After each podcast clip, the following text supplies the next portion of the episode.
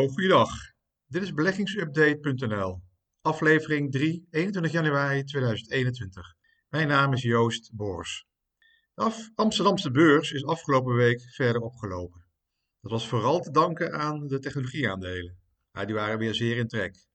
Opvallend weer dat de beleggers niks aantrokken van de verlenging van de lockdown en de eventuele invoering van de avondklok.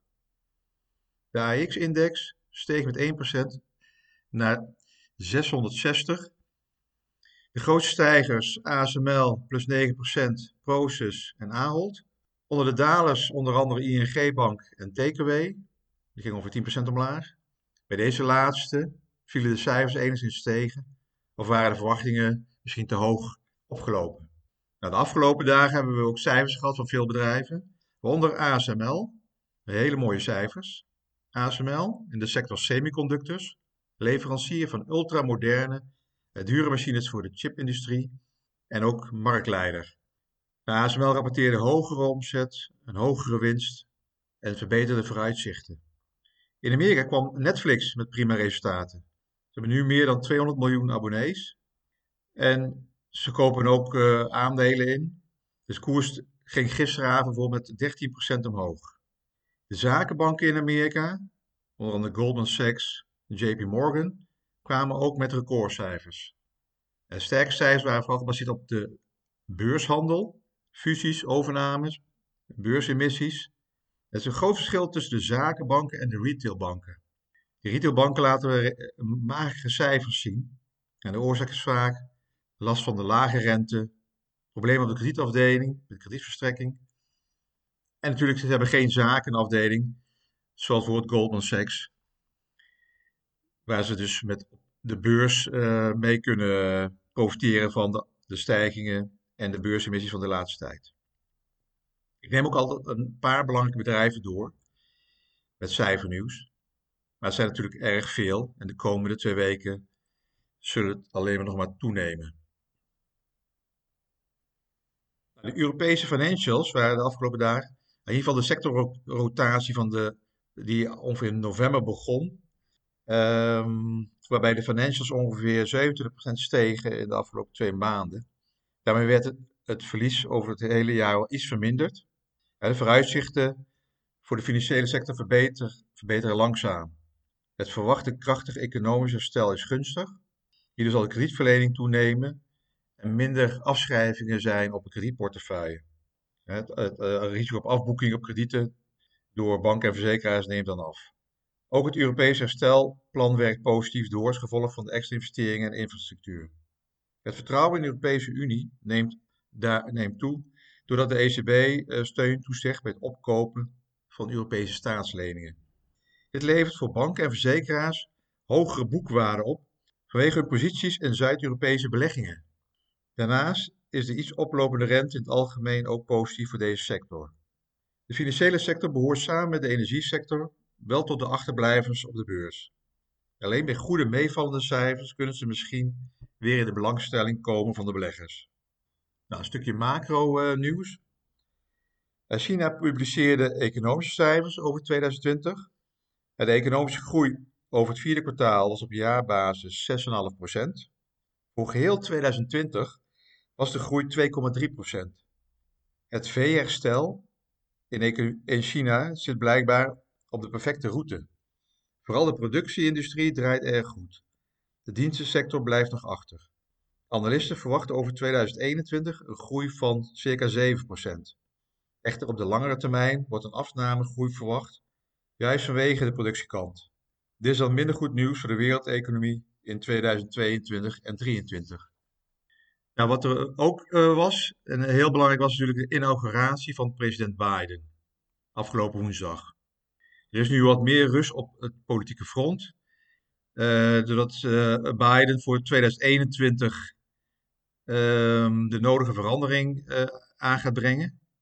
Waar Trump de focus legde op belastingverlagingen, deregulering en lagere overheidsuitgaven, legt Biden juist de focus op hogere belastingen voor hogere inkomens, duurzaamheid, onderzoek en onderwijs. Om zijn agenda te kunnen doorvoeren is wel een meerderheid in de Amerikaanse Senaat cruciaal. Door de verkiezingswinst in Georgia, jongsleden, hebben beide partijen evenveel zetels in de Senaat en geeft juist het vicepresident Kamala Harris de doorslag. Ja, dit zou uh, kunnen leiden tot een daadkrachtige president die zijn politieke agenda kan uitvoeren. Op internationaal politiek gebied zullen de banden met de westerse bondgenoten weer worden aangehaald. Dit verlaagt het risico van een handelsoorlog met uh, Europa aanzienlijk. Biden onthult, onthulde ook een uh, stimulusplan. Hij wil uh, circa 1,9 biljoen dollar, dat is ongeveer 1600 miljard euro, aan coronamaatregelen, stimuleringsmaatregelen door de Senaat loodsen. En nog eens 1400 dollar voor elke Amerikaan, bovenop de 600 dollar die in december al werd afgesproken. Daarnaast wil hij honderden miljarden dollars uitgeven ter ondersteuning van staten en lokale overheden, coronavaccinaties en het veilig heropenen van scholen. Ook gaat Biden meer doen ter stimulering van schone energie. Groene, groene duurzame energie. Dit zorgt al een tijd voor stijging van de specifieke sector aandelen binnen de hydropower energie. De fuel energy stocks, namen als Ballard Power, Plug Power, Fuel Cell Power, die hebben al behoorlijke stijgingen laten zien de afgelopen twee, drie maanden. Deze groep van bedrijven zagen de, de koersen met tientallen procenten stijgen. Ja, wel vooruitlopend op de plannen van Biden. Een alternatief voor individuele aandelen zou misschien kunnen zijn de iShare Global Clean Energy Tracker. Een ander belangrijk nieuws is de verdere aanscherping van de lockdown-maatregelen in Europa. Echter, zoals eerder aangegeven, trekken de beleggers zich hier nog niks van aan. Ze gaan altijd uit dat dit ook wel weer overgaat en het oude normaal terugkomt. Beurs kijkt altijd minimaal zes maanden vooruit. Ja, nu misschien zelfs nog wat verder. Bedrijven die baat hebben bij een totale lockdown en het thuiswerken en eventueel de avondklok zijn natuurlijk weer in eerste instantie de bekende namen als supermarkten, online webshops en thuisbezorgers. Ahold met bol.com, Amazon, Netflix, Just Eat, etc. Nou, we krijgen een, een, een samenleving waar iedereen thuis zit, uh, niet naar buiten gaat. Het, het, kan een supermarkt natuurlijk niet lang genoeg duren, gezien de omzetstijging die ze ook bij de eerste lockdown hebben gehad. Er buiten is dan nog alleen nog maar plaats voor regendruppels, duiven en de pakketbezorgers van uh, PostNL en Amazon. Het is misschien wel een idee als Ahold en Jumbo een fonds oprichten met als doel het ondersteunen van lokale restaurants, horeca en andere kleine ondernemers. Dit zou wel een mooi initiatief zijn. Maar ja, of, of je als aandeelhouder dit ook gaat vinden, dat weet ik wel niet. Het januari-effect. Aandelenbeurzen beginnen vaak positief aan het nieuwe jaar. Hier zijn meerdere redenen voor, onder andere de instroom nieuwe beleggers, nieuw geld, positieve nieuwjaarsboodschappen van het bedrijfsleven, of beter dan verwachte cijfers, en fiscaal gedreven aankopen door Amerikaanse belastingregels. Over het januari-effect is zelfs een boek geschreven door Robert Haugen, The Incredible January Effect. Een positieve, de positieve eerste vijf dagen in de eerste week van januari is een goede graadmeter voor de rest van het jaar. De maand januari wordt als een soort marktbarometer of prestatievoorspeller gebruikt. Een hogere januari zou een hoger jaar moeten betekenen. En dat is de gedachte achter de spreuk op Wall Street. Zo gaat januari, zo gaat het jaar. Houden zei dat de markt nog betere kansen om het goed te doen heeft in geheel januari als de eerste vijf dagen hoger zijn en er voorafgaande daaraan een kersthoos was in de laatste vijf handelsdagen van december. Dus als de laatste vijf handelsdagen van het voorafgaande jaar positief uh, zijn afgesloten, dan en de eerste vijf dagen van het nieuwe jaar, dan is, het, dan is de kans groot dat de Amerikaanse beurs het gehele jaar positief afsluit. Nou, dat is ongeveer 85% kans dat de beurs het jaar positief zal afsluiten. En het heeft, als je terug gaat kijken, het heeft gewerkt in ongeveer 31 van de laatste 44 jaar. Het heeft ook te maken met het verkopen van verlieslatende aandelen vanwege de fiscale mogelijkheden in Amerika. Het januari-effect is de laatste jaren echt iets minder betrouwbaar, juist vanwege veranderingen in het fiscale regime. Het blijft wel een uh, leuk verhaal. Andere beurswijsheden zijn bijvoorbeeld momentumkopers.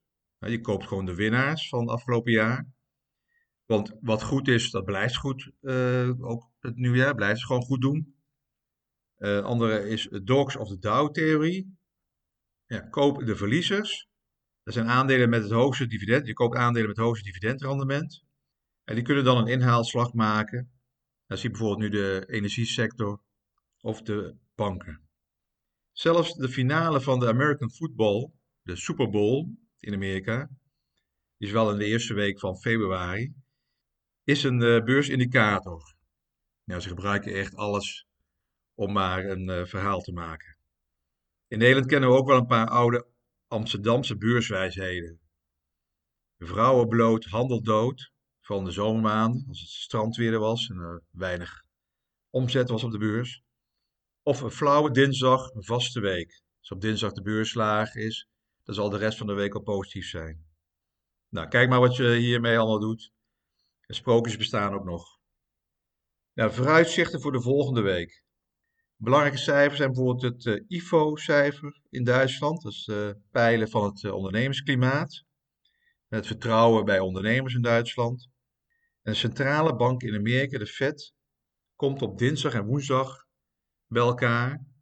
En dan meestal woensdagavond, zo rond de 8 uur Nederlandse tijd, komt er dan een persconferentie.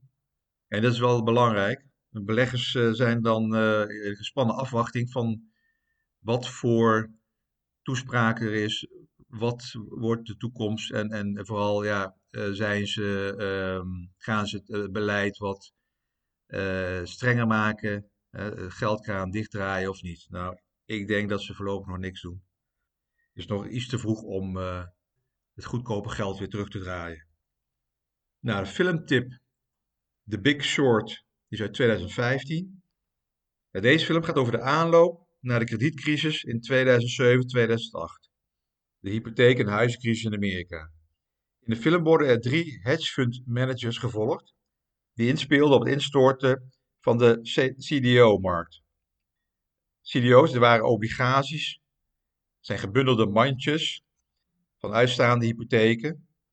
Nou, die liepen dus in 2010 waardeloos uh, af, of 2008 al, en zorgden voor een instorting van het financiële stelsel. Er stonden er namelijk honderden miljarden van uit. En waarom is deze film nou uh, actueel? Een van deze hedge fund managers, Michael Burry, die heeft een nieuwe bubbel op het oog. En dat is het aandeel Tesla. Nou, tot slot, alles is een uh, persoonlijke waarneming en vrij verkrijgbare informatie. Uh, geen advies. Als je iets wilt doen, bel dan met je eigen adviseur. Nou, verder zou ik het leuk vinden als je wat vragen hebt of andere onderwerpen zou willen bespreken, dan kan je me altijd mailen via info.beleggingsupdate.nl. Dankjewel voor het luisteren en tot de volgende week.